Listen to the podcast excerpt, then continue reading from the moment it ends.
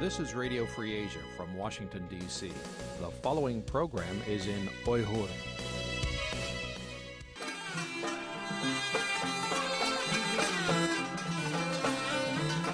Erkin Asya Radyosu Erkin Asya Radyosu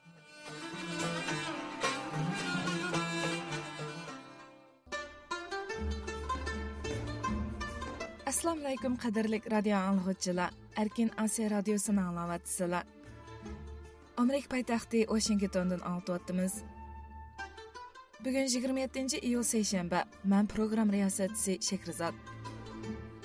Hurmatli radio anglg'uvchilar navbatda bugungi bir soatlik anglishimizni uyg'urlar va xalqaro vaziyatga oid qisqachalardan boshlaymiz. Xabarlarni muxbirimiz aziz tayyorladi.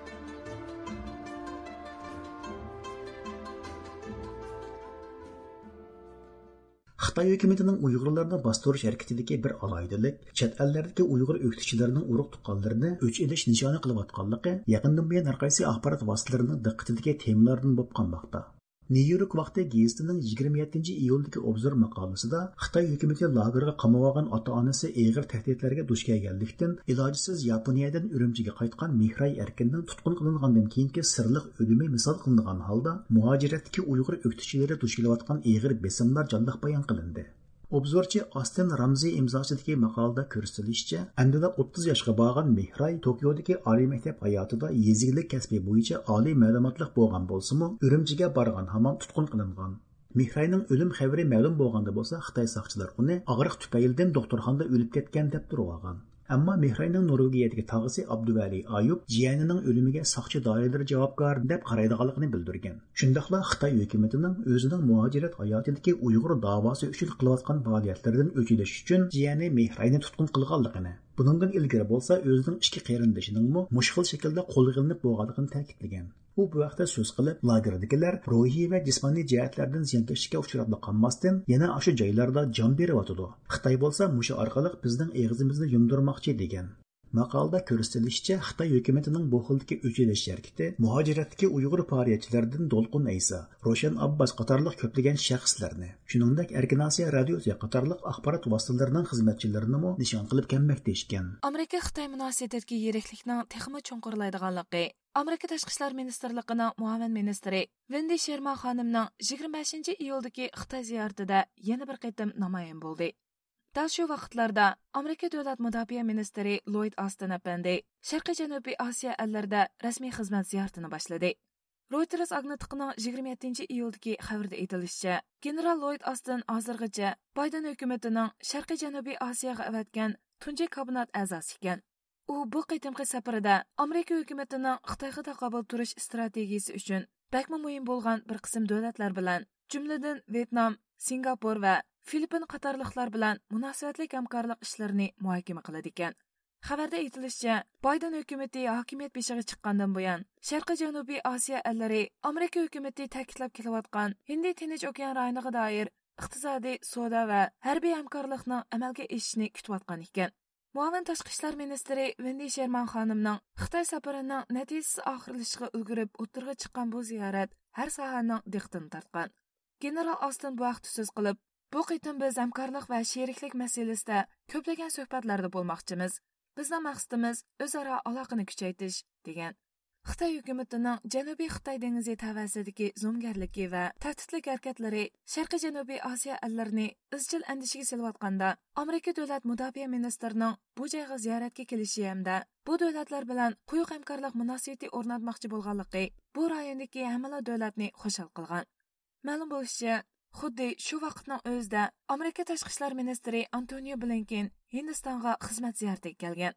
Hindiston bo'lsa, Amerika hukumatining Xitoyga taqobil turishdiki yana bir zo'r ittifoqdoshi deb qaralayotganligi ma'lum. Xitoy hukumatining yaqinqi mezgillarda zo'r ko'lamdagi yadro qurollar ombiri yasayotganligi har qaysi sohaning zo'r diqqatini qo'zg'ayotgan masalalardan bo'lib qolmoqda. Nyu-York vaqti gazetining 27 iyuldagi xabarida aytilishicha, Xitoy hukumati Qumul rayonidagi 800 kvadrat kilometr doirada oz degandimi 110 joyda yadro qurollar ombiri yasab chiqqan. Bu omborlarning bir-biri bilan bo'lgan oraliqi 3 kilometr atrofida ishgan. Suniyamra suratlardan ma'lum bo'lgan bu uchurlar har qaysi olimlarning isbotlashidan o'tgandan keyin har qaysi sohaning bu masliga bo'lgan qiziqishi zo'r darajada oshgan. Wall Street jurnali gazetining 27 iyuldagi xabarida aytilishicha, Xitoy hukumati bu qatim Qumul rayonida yasab chiqqan yadro qurollari ombiri son va ko'lam jihatda Gansu o'lkasidagi Yumin shahrida barpo qilib chiqqan birinchi turkum yadro qurollari ombiriga o'xshab ketadi ekan. Yumin tavasidagi yadro qurollari ombirining soni 120 ga yetgan bo'lib, ikki joyning oraliqimi 380 kilometr keladi ekan. Shung bularni amaliyotda bir zo'r ko'lamlik yadro qurollari ombiri rayoni deyishkin bo'ladi ekan. Hozircha bu yadro qurollarining qanchalik o'qbishi ilib mangoladiganligi hamda uchish musobisining nachilik ekanligi noma'lum bo'lsinmi buni ko'plagan analizchilar xitoy hukumatining yadroliq harbiy qurollarini kengaytirish harakati deb qaramoqda ishgan amerika davlat majlisi a'zolari ichida ikki ming yigirma ikkinchi yili bejingda o'tkaziladigan qishliq olimpik musobaqasini boyqut qilish chaqiriqi ko'plab o'tirg'a chiqmoqda. Yaqında Dövlət Məclisi əzalarından Michael Walters, Tom Malinowski qatarlıqlar yangi taklif loyihasi tayyorlab, Uyg'urlar qirg'inchilikqa uchrayotganda Beijing Olimpik musobaqasini boyqut qilishning ta'xirsizligini yana bir qatim ta'kidladi. ABC agentligining 27 iyuldagi xabarda aytilishicha, Florida shtatidan saylangan Avam palata a'zosi Michael Walters tunji qatim Beijing qishliq olimpik musobaqasini to'liq boyqut qilish tashabbusini o'tirib qo'ygan kishilarning biri ekan. Amerika Avam palatasining raisi Nancy Pelosi xonim bo'lsa, bu yilning beshida bu musobaqani diplomatik boyqut qilish tashabbusini o'tira qo'ygan edi. Valters apandi bu vaqt so'z qilib, bizning bu qitimqi takliflarimiz Amerika Qo'shma Shtatlarining Beijing Olimpik musobaqasiga rasmiy vakillar o'miki avatishiga zo'r darajada ta'sir ko'rsatdi degan. Xabarda aytilishicha, Amerika hukumati o'tgan bir necha oyda izchil o'zlarining ittifoqdoshlari bilan qirg'inchilikni ijro qilayotgan Xitoyga tantarbiya umiki avatish yoki avatmaslik masalasini muzokara qilib kelmoqda. Michael Walters va Tom Malinowski 2021 yili iyun oyidan boshlabla o'xshamagan so'rinlarda qirg'inchilik va insoniyatga qarshi jinoyat sodir qilayotgan Xitoy davlatining olimpik musobaqasi o'tkazishiga yo'l qo'yganlik, ularning qilmishni yo'lliq deb e'tirof qilganligi barobar. Bu amaliyotda boshqa davlatlarningmi insoniyatga qarshi jinoyatlarga mahliya bo'lishiga yo'l ochidi degan mazmunda so'z qilib kelgan ekan. Bu qitim ularning uyg'urlar duch kelayotgan irqiy qirg'inchilikni asosiy sabab qilgan holda bejingdagi olimpik musobaqasini boyqut qilishga chaqirishi zo'r diqqat qo'zg'amoqda ekan.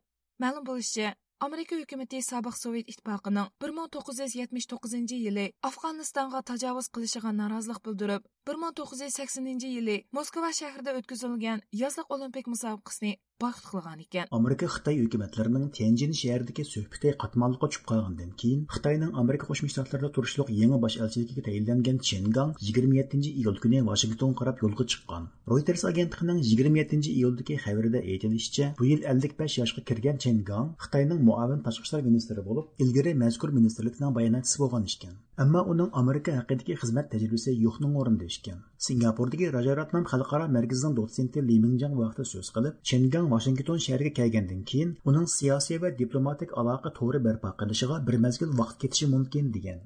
Janubiy Xitoy sehri gazetining bu vaqtdagi xabarida aytilishicha, bu yil 68 yoshga kirgan sobiq bosh elchi Sui Tiankayning qaytib ketishi Amerika Xitoy munosabatining yiriklashishi bargan sari yuqori pallaga chiqayotgan vaqtga to'g'ri kelgan.